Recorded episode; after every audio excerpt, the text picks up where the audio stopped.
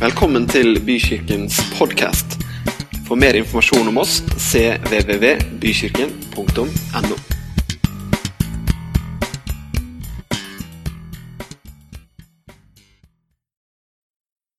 I dag er det hverdagskraft som er tema. Vi har et par uker igjen av 100 dager med Jesus. Går det bra? Dag 79 eller noe sånt? Eller nei, det er vi er enda lenger, faktisk.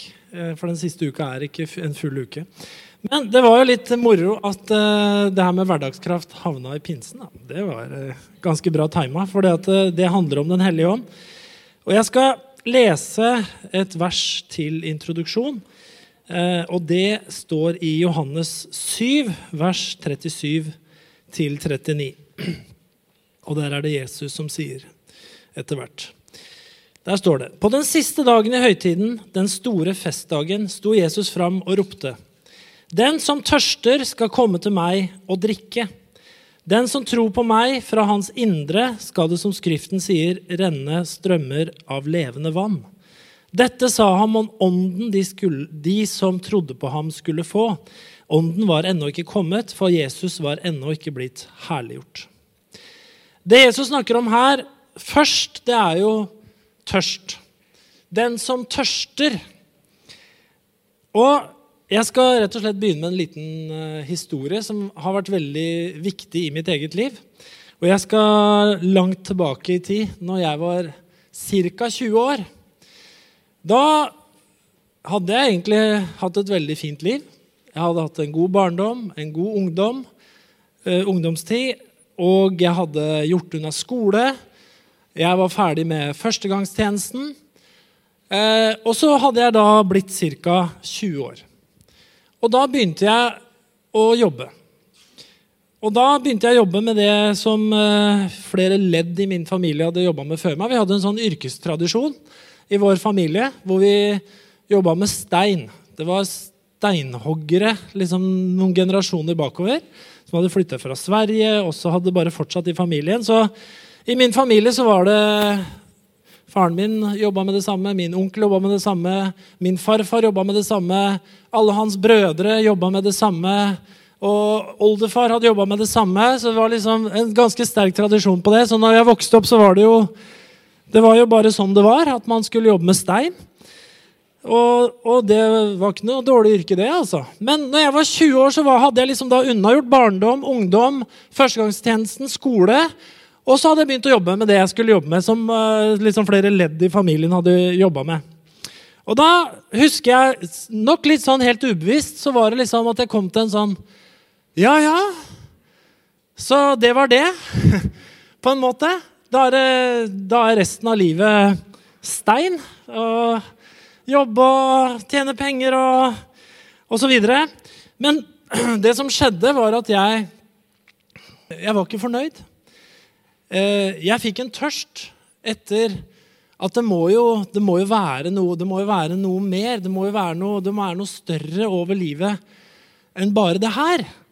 Det løpet som alle går. Og ferdig med det. Og jeg, jeg vet ikke om jeg vil kalle det krise, men på en måte så var det nok en sånn liten krise i mitt liv. På hva er livet egentlig? Hva skal det handle om? Hvem er jeg? Hva skal jeg? Hva er meninga med mitt liv? Det må jo være noe mer. Og nesten ubevisst så begynte jeg det eh, å søke Gud. Jeg begynte å lese Bibelen igjen. Det var ganske lenge siden jeg hadde gjort da. Eh, og det begynte å snakke til meg på en veldig levende måte, det jeg leste i Bibelen. Det merka jeg. Eh, og så var det at jeg begynte å dele disse tankene med venner og kamerater om Gud, spørsmål, livet, eksistensielle spørsmål. Og så kom det til det punktet hvor jeg da begynte å be bønner til Gud. Litt sånn stille, men jeg begynte å kommunisere opp mot Gud igjen. For det hadde jeg ikke gjort så mye på noen år. Og så er det sånn at jeg begynte å oppsøke, oppsøke kirken min igjen. Og så skjedde det en hendelse akkurat i den tida som på en måte bare forandra alt, egentlig. Da dro jeg på et, eh, et møte som var før et møte, et bønnemøte. Og jeg satte meg ned der. Det var ganske mange mennesker der. ganske mange unge, For det var et kor som skulle synge, og dette ungdomskoret de, de hadde en bønnesamling før. Så jeg var der og satt der. Og mens jeg sitter der sånn helt, helt uventa, så opplever jeg at jeg får det vi kalte å få et ord. Jeg får noen tanker som jeg blir litt sånn At jeg opplevde nå er det Gud som sier noe til meg. Som Gud vil at jeg skal si til de som er på dette bønnemøtet. Og det var bare noen enkle setninger. Så jeg eh, Fikk på en eller annen måte grepet ordet og sagt at jeg har noe jeg skulle si. Og Det var veldig overraskende for alle, for jeg var jo egentlig ganske sånn frafallen. Så, så, og det var noen enkle setninger som jeg sa. Jeg opplever at Gud sier til meg sånn og sånn og sånn.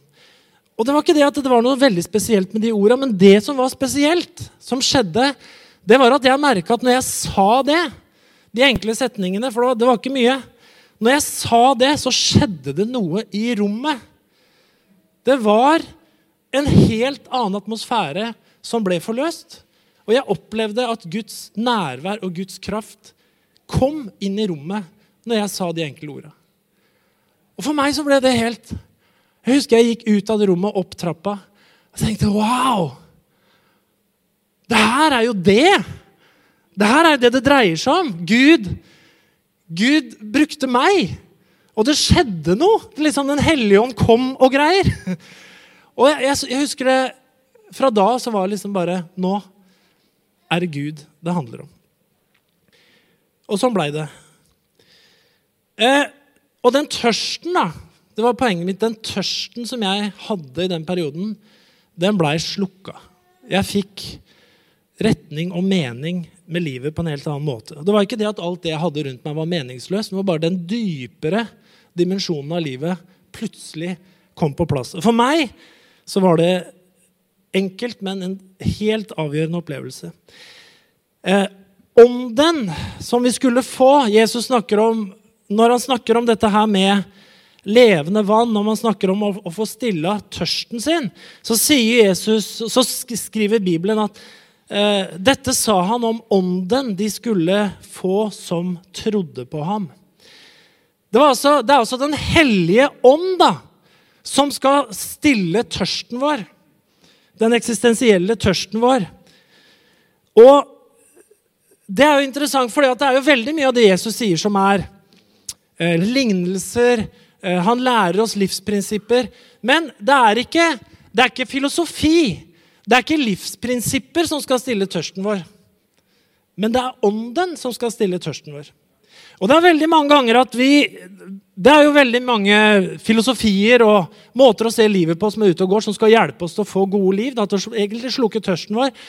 Katrin og jeg så en, en dokumentar på, på, Netflix som var veldig fin, kan anbefales, som heter uh, Minimalism, altså minimalisme. Og Det var to unge fyrer i, i 20-åra som har gjort kometkarriere, tjent masse penger. Uh, gjort det kjempeskarpt, gått hele løpet. ikke sant? Og så bare opplever de at det er fulle av tomhet. Og de er fulle av ting, og de lever for ting, og de lever ikke for det nærmeste osv. Og, så og så stripper de livet sitt ned, slutter i disse jobbene og har færre gjenstander. Ja, veldig mye bra der.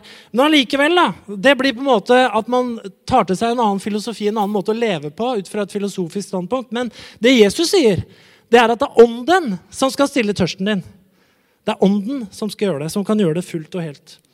Og I Bibelen så, så veldig sånn grovt da, så finnes det to scenarioer som er beskrevet i forhold til hva Den hellige ånd gjør i et menneskes liv. Det ene det handler om overbevisning om synd og det her med tro og gjenfødelse. altså At man blir født på ny ved Den hellige ånd. Det andre det handler om at man blir døpt eller fylt av Den hellige ånd på en spesiell måte og erfarer det vi kaller for åndens gaver. Eh, utrustning av nådegaver. Eh, og de to de to tinga her er, eh, det henger jo sammen, men allikevel er det på en måte beskrevet som to litt forskjellige ting i Bibelen. Og det å ta imot Den hellige ånd som troende, det er, jo et, det er jo et løfte vi har fått gjennom Bibelen. At når vi tror, så får vi også Den hellige ånd. Vi blir født på ny ved Den hellige ånd. Eh, og når vi leser bibelhistorien sånn fra de tidlige dagene etter Jesu oppstandelse, så er det jo en hendelse som skjer i Johannes 20. Eh, fordi at når vi leste det første verset her, hvor Jesus snakker om Den hellige ånd og om tørst, så avsluttes dette med at dette sa han om ånden de skulle få som trodde på ham. ånden var ennå ikke kommet, for Jesus hadde ennå ikke blitt herliggjort. Og så vet vi det at uh, Hva er det han snakker om her? Jo, han snakker om at ånden hadde ikke kommet på den måten at den hadde flytta inn i mennesker og blitt til den kilden. Vi vet jo at Den hellige ånd var virksom over disiplene for eksempel, mens de fulgte Jesus når han hadde det med seg. For han sa han ga dem jo kraft ikke sant, ved Den hellige ånd til å gjøre undre, tegn og mirakler, og de var kjempebegeistra. Men når Jesus snakker om den indre kraften, det at du blir født på ny av Den hellige ånd, så sier han at det hadde ennå ikke skjedd fordi Jesus ennå ikke var herliggjort. Og så er det sånn at Jesus han, han, dør, og så står Jesus opp igjen. Og Når Jesus da kommer og møter disiplene aller første gang etter at han har stått opp fra de døde, så skjer det noe spesielt i Johannes 20. Og Der står det det var om kvelden samme dag, den første dagen i uken. Av frykt for jødene hadde disiplene stengt dørene der de var samlet. Da kom Jesus, han sto midt iblant dem og sa, 'Fred være med dere.' Og da han hadde sagt det, viste han dem sine hender og sin side. Og disiplene ble glade da de så Herren. Igjen sa Jesus til dem, fred være med dere. Som far har sendt meg, så sender jeg dere. Så åndet han på dem og sa, ta imot Den hellige ånd. Og det her på en måte har jo en veldig sånn klar referanse til akkurat det som skjedde med Adam. Når Gud hadde forma kroppen av jordens støv, så står det at eh, Gud han han pustet på, han åndet livsånde inn i Adam. Han ble til en levende sjel. Men her kommer Jesus og gjør akkurat det samme og sier, 'Ta imot Den hellige ånd'. Og her tror jeg det her skjer. da, At de får Den hellige ånd på den måten vi snakker om når man blir født på ny. Og så, og så er kanskje akkurat den lille historien her noe vi pinsevenner ikke har fokusert så mye på. for vi har vært veldig fokusert på det som vi skal lese om etterpå. Men når vi leser om det her, så står det ikke at det skjer noe dramatisk. Det står ikke at det skjer storunder og tegn og, og ildflammer og det ene og det andre. Det er på en måte ta imot Den hellige ånd. Så puster han på dem, og så fortsetter livet. Den andre hendelsen som, som vi jo feirer nå, når det er pinse, det er dåpen i Den hellige ånd, som er en mye mer sånn dramatisk hendelse. For da pinsedagen kom, står det i Apostlenes gjerninger 2, så var de alle samlet på ett sted. og Plutselig lød en lyd fra himmelen sånn at en kraftig vind blåser, og lyden fylte huset hvor de satt. Tunger som av ild viste seg for dem, delte seg og satte seg på hver enkelt av dem. Da ble de alle fylt av Den hellige ånd, og de begynte å tale andre språk ettersom ånden ga dem å forkynne. Så det er altså helt to konkrete hendelser som har Den hellige ånd å gjøre etter at Jesus står opp fra de døde. Den ene er at Jesus kommer og gir dem Den hellige ånd. Det andre er at de blir fylt av Den hellige ånd på en måte hvor de begynner å oppleve det overnaturlige. De taler i nye språk, og under og tegn skjer. Og på en måte så representerer jo det her noe som ikke er så dramatisk, og noe som er veldig dramatisk. Og Når du leser bibelhistorien videre, apostlenes gjerninger, og følger den kristne kirkens liv, så er det på en måte den vekslingen her. Og det er det i våre liv også. Det å være kristen, det å følge Jesus, det å være frelst, det er både det vanlige, hverdagslige, litt sånn udramatiske livet. Og så er det noen ganger hvor det er skikkelig heftig, hvor det er skikkelig dramatisk. For meg så var det det den dagen hvor jeg fikk det ordet, ikke sant, som var kjempeenkelt. Så skjedde det noe i det rommet. For meg så var det wow! Wow, det her var helt fantastisk. Og så forandra det livet mitt. Men det som er temaet det her, det er jo hverdagskraft. Og det er et ærlig spørsmål man må stille seg. Den hellige ånd. Utgjør det egentlig en forskjell, da? I livet? Nå har jeg levd i snart 53 år, og det er ganske mange mennesker og historier og også mine egne år som har passert. Og jeg har kjent mange mennesker, og jeg kjenner mange mennesker som er troende, og jeg kjenner mange mennesker som ikke er troende. Jeg har venner som er troende, jeg har venner som ikke er troende. Og jeg har gjennom årene sett troende som er lykkelige, fulle av energi, fulle av livskraft, pågangsmot. Det renner ut kraft av dem. Det er veldig herlig. Og jeg har sett mange troende som sliter, som har det vanskelig, som er deprimert, som er nedfor, hvor det er nederlag på nederlag, tap på tap, og man sliter og man strever og man kommer gjennom noen tøffe år hvor livet er veldig vanskelig. å leve. Og så har jeg sett folk som ikke er troende, som er på akkurat samme måten. Noen av dem er glad, fornøyd, fulle av liv og energi og pågangsmot, og noen har det vanskelig. Så spørsmålet man må stille, da, det er jo ja, Er det noen forskjell, da, med Den hellige ånd? Er det noen forskjell på å være troende og ikke troende? Det er her vi snakker om med kraft. Burde man ikke, hvis man var troende og har Den hellige ånd, som vi var så glad i å si en periode, leve et liv i seier hele tida? Men det er jo et ærlig spørsmål, er det ikke det? Jeg vil ha svaret og spørsmålet henge litt i lufta. For jeg tror at det ting handler om, da, som vi skal snakke litt noen tanker om, det er det med tilhørighet. For det er noen store og grunnleggende spørsmål som på en eller annen måte i en eller annen form krysser alle mennesker sannsynligvis mange ganger i løpet av livet. Og det er jo spørsmålet hvem, hvem er jeg egentlig? Hvor hører jeg egentlig hjemme? Hvorfor er jeg her? Og hvorfor er jeg egentlig akkurat her nå? Hvordan havna jeg her, i denne situasjonen? I dette livet? Og Noen ganger så ønsker mennesker å bytte ut det livet de har. Dersom Bibelen snakker sant, så er vi skapt i Guds bilde for å leve i fellesskap med Gud og med hverandre. Ok? Dersom Bibelen snakker sant, så ønsker Gud å være vår far. Og vi skal tilhøre hans familie. Og vår, vårt egentlige hjemland, vårt egentlige hjemsted, det er ikke her, men det er i himmelen. Det er hinsides, det er bortenfor det livet som vi har her nede på jorda. Ok? Og dersom Bibelen snakker sånn, så innebærer det å være adskilt fra Gud som far, det innebærer å leve i mørket.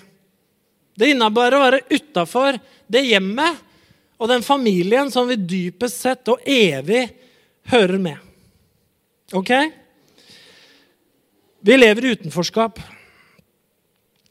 Og det er litt sånn interessant Ut fra sånn moderne atferdsforskning så er det her med manglende tilhørighet, manglende tilknytning, det har veldig negative konsekvenser for oss mennesker. Vi er rett og slett ikke skapt til å leve i et vakuum. Vi er ikke skapt til å leve alene. Vi er ikke skapt for å leve uten tilknytning. Og nå vil jeg dra det her litt i forhold til Gud, men det viser seg jo med oss mennesker hvordan vi er skapt, hvordan vi er laga. Og jeg henta bare noen få setninger fra eh, tidsskriftet Den norske, eh, Den norske legeforening. Ei som heter Trine Klette, som skrev en kronikk hvor hun snakker om omsorgssvikt og personlighetsforstyrrelser. Og hun skriver tilknytningssystemet vårt kan beskrives som menneskers medfødte tilbøyelighet til å knytte varige følelsesmessige bånd til sine nærmeste omsorgsgivere. I nei, ifølge tilknytningsteorien skaper John Bowley er vi født med et behov for å knytte oss til noe eller noen større eller sterkere for å få beskyttelse og omsorg. Teorien ble utviklet på grunnlag av observasjoner av samspill og adskillelse mellom foreldre og barn. Barnas reaksjoner på adskillelse og avvisning fra de nærmeste førte bl.a. til beskrivelsen av fasene protest, fortvilelse og tilbaketrekning. Jo mindre barnet var, og jo lenger adskillelsene varte, desto alvorligere var følgende for barnets psykiske helse. Så handler det om våre jordiske bånd. Men for meg så forteller det også en større historie. da. Om at vi er født med det her tilknytningsbehovet.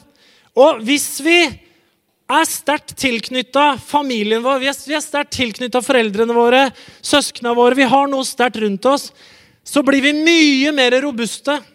Vi tåler mer juling, for vi har et hjem å komme hjem til.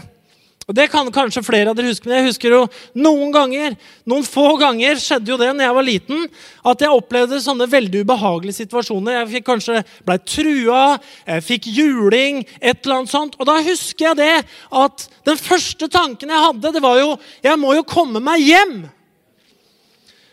Og, kom, og da gråt jeg ikke, for jeg var tøff. Og jeg visste ikke at jeg var redd, jeg visste ikke at jeg skulle gråte. Når jeg kom hjem, og mamma eller pappa åpna døra og sa 'Hva er det for noe, gutten min?' Da gråt jeg. Og da gråt jeg skikkelig. For der kunne jeg gråte. Men hvis jeg ikke hadde hatt et hjem å komme hjem til, hvor hadde jeg gått da? Hvor hadde det blitt av meg da? Hvordan hadde jeg fått det da? Så hva er det vi, hva er det vi knytter oss til? Og Det er også veldig sånn grovt skissert, da, men med litt sånn utgangspunkt i hva Jesus snakker om. At du må, du må velge. da, Du må følge, følge, Gud eller mammon. Det er på en måte to sånne livsveier. Ett av to, sier Jesus. Du kan ikke følge to herrer. Du følger enten Gud og ikke djevelen, men mammon, sier han. Altså, det var jo et ord for det materialistiske og penger. Og hva, hva er det vår kultur forteller oss at vi skal knytte oss til? Jo, det er jo liksom mammon. Det er den materialistiske ideen. ikke sant? Selv om alle på en måte vet at det ikke er svaret, så er det, ja, har vi noe alternativ. Og det er jo litt det her, Jeg kan først oppnå lykke når jeg har oppnådd en viss økonomisk og materiell standard eller vellykkahet. og Med de rette vennene, kontaktene, nettverket, karrieren. altså Det er det her hele verdenshjulet handler om. The economy. ikke sant? Det må det må gå riktig med den, for hvis det går gærent, så går på en måte, da er ikke livet verdt å leve mer. Da fungerer ingenting. Og Det er mye med det, og det er ikke noe feil med materielle ting. Det har aldri Bibelen sagt. Bibelen sier ikke at det er feil å ha ting, men du skal ikke være eid av tinga. ikke sant? Det er det det handler om.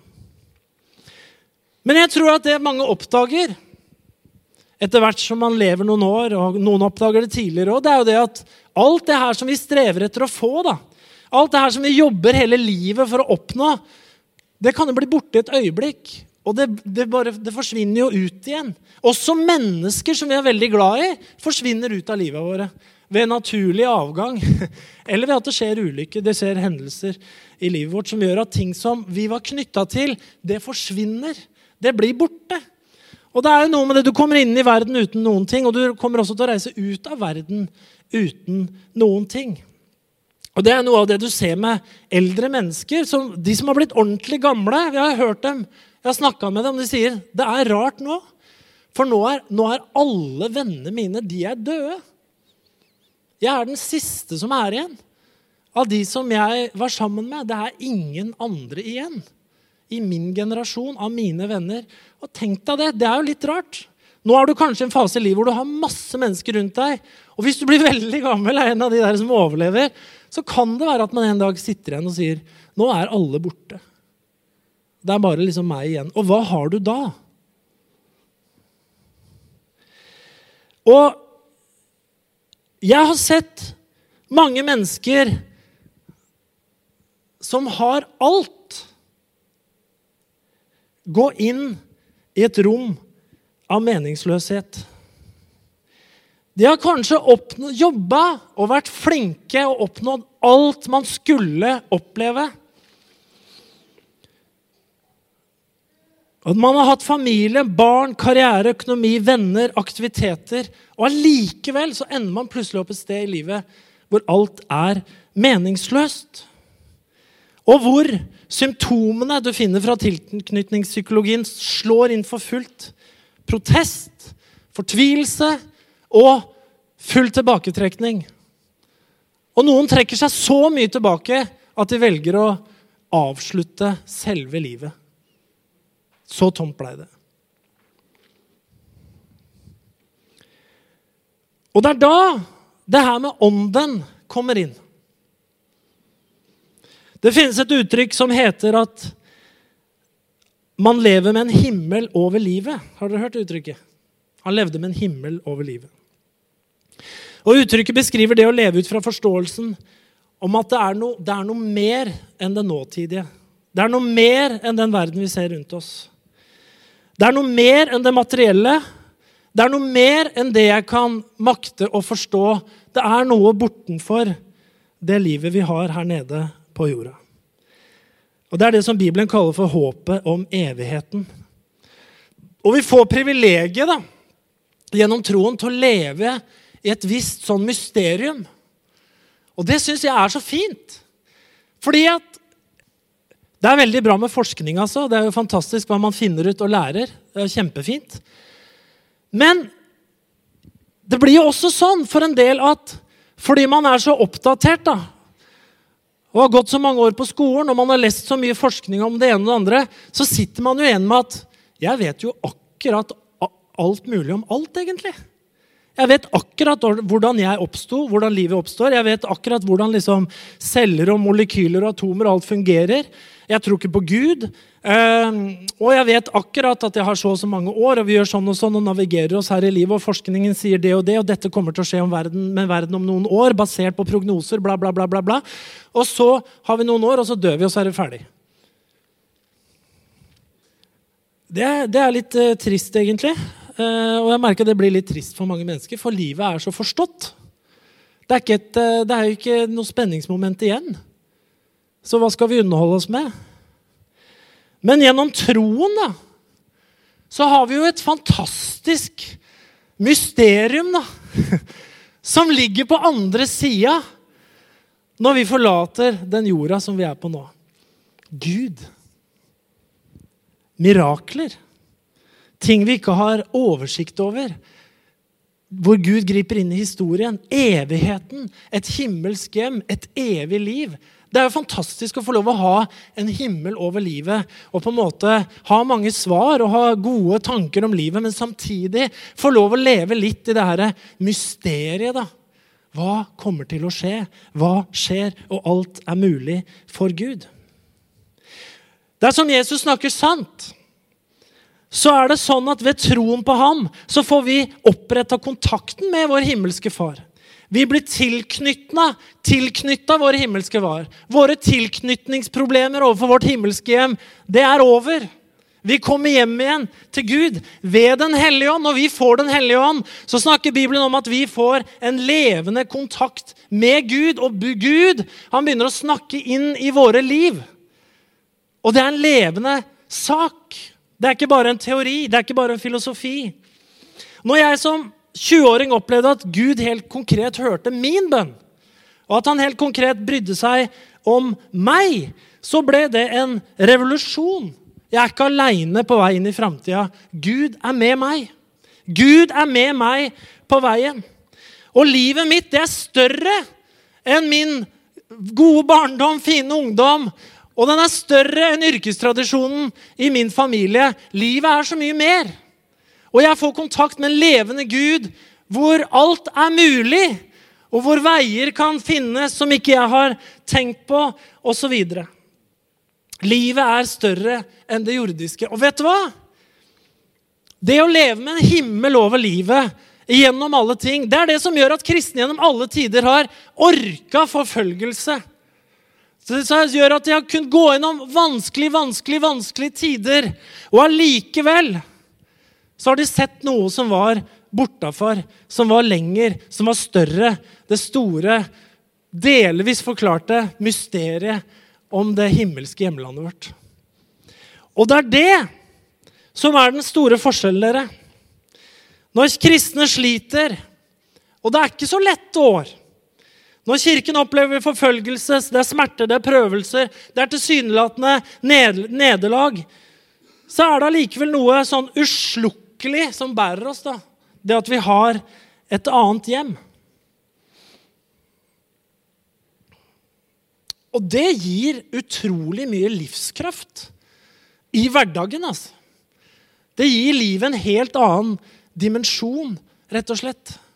Og det er det her Gud vil ha med oss. Han, nå er jo Den hellige ånd mange navn, og det kan vi jo ikke bruke tid på. Men han er jo han er vår rådgiver. Blant annet, ikke sant? Han er talsmannen. Han er en kraft. Han er en som veileder oss. Han er Guds nærvær i vårt liv. da. Så er det noen forskjell på det her å være troende og det å ha Den hellige ånd. Det er en enorm forskjell. Du og jeg er ikke alene her i denne verden. Vi kan få lov å be. Vi kan få lov å oppleve bønnesvar. Vi kan få oppleve det at gjennom alle ting da, så har vi et håp som er så mye større.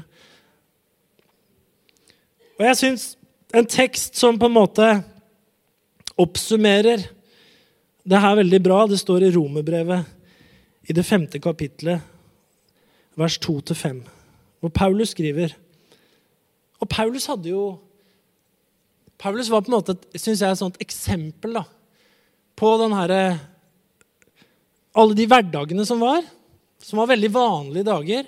Og samtidig så opplever han gjennom livet masse som er spektakulært, som er spennende. Han hadde jo en brå start, men han ble slått av hesten, gjort blind. Hvem er du? Det er Jesus, han som du forfølger. Han får syn igjen. Det var en ganske sånn brå start, på en måte. Og så blir han borte. 15 år. Leser ikke noe om Paulus i det hele tatt. Han er vel i menigheten i Antiokia. Mange, mange år. Uh, teltmaker. Uh, gjør arbeid med hendene. Uh, underviser og lærer bort. Og så kommer han ut, så reiser han på misjonen igjen, og så får han masse som skjer igjen. Og så er det masse prøvelser, masse vanskeligheter. Det er fengsler, det er forfølgelse. Det er folk som kommer til tro. Så Paulus er jo på en måte den herre vekslinga mellom alle de hverdagene, og samtidig så opplever han disse miraklene som skjer i løpet av livet hans. Og jeg tenker at det, det er sånn vi må tenke om det kristne livet òg. Det er flest hverdager, men så opplever vi også i ting vi opplever i løpet av livet, situasjoner vi kommer i. Vi ber, Gud svarer. Det skjer spesielle ting. Merkedager som vi har i livet vårt, som vi bare vet at der, der var Gud med meg. Der skjedde det noe. Der var det noe spesielt som hendte. Og Derfor så tenker jeg at eh, man, skal ikke, man, skal ikke, jage etter det spektakulære for, for, å jage etter det for den sakens skyld. Det, må, det, kommer jo i livet, ikke sant? Etter hvert som Gud er med oss. Men Paulus skriver da i Romerne 5.: Gjennom ham har vi også ved troen fått adgang til den nåde vi står i. Vi er stolte over håpet om Guds herlighet. Ja, ikke bare det. Vi er også stolte over lidelsene for vi vet at lidelsene gir utholdenhet. Utholdenheten et prøvet sinn, og det prøvde sinn håp. Og håpet skuffer ikke, for Guds kjærlighet er utøst i våre hjerter ved Den hellige ånd, som Han har gitt oss. Og det på en måte får være avslutning på det Jesus sa, om at dere skal komme til meg, dere som tørster.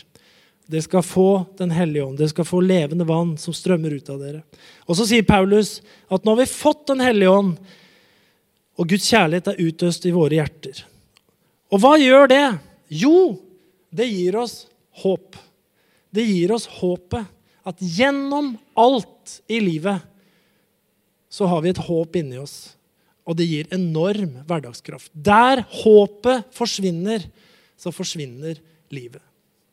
Der det fins håp, så fins det liv. Der det fins håp, så fins det noe man ser fram til, noe man strekker seg videre mot, noe som bærer oss. Det er forskjellen dere på Den hellige ånd eller ikke Den hellige ånd. Vi har et håp, vi har noe hinsidig, vi har noe som er mye større. Herre, vi takker deg for at du lovte oss Den hellige ånd. Og takk også, Herre, for at det er noe vi blir bedt om igjen og igjen å åpne oss for og bli fylt med. At Den hellige ånd fyller oss, så vi kan kjenne livskraft i hverdagen vår. Så vi kan kjenne at vi er ikke uten håp, men vi er med håp. Vi har noe vi kan se fram til. Vi vet at alt det onde, det tar en gang slutt. Alt det som er dårlig, det har en ende. Men det som er godt, det som er lyst, det som er bra, det er evig. Vi takker deg for det her. Og jeg takker deg også for hver og en som sitter i salen her i dag. Uansett hvilken situasjon vi måtte være i, så takker jeg deg om om det er mennesker som sitter her som kjenner på håpløshet, at du tenner håpet i dem i dag, Herre. Ved Den hellige ånd, så det kan begynne å strømme levende vann igjennom igjen, Herre. La oss få kjenne det at vi er ikke aleine, vi er ikke fortapt. Vi er ikke uten framtid, vi er ikke uten håp, men med deg har vi framtid og håp. Vi priser deg for det, Herre. Og så takker vi deg for den enorme forskjellen som det er i livet ved at du har gitt oss Den hellige ånd. Kraft til å leve alle våre dager. I Jesu navn. Amen.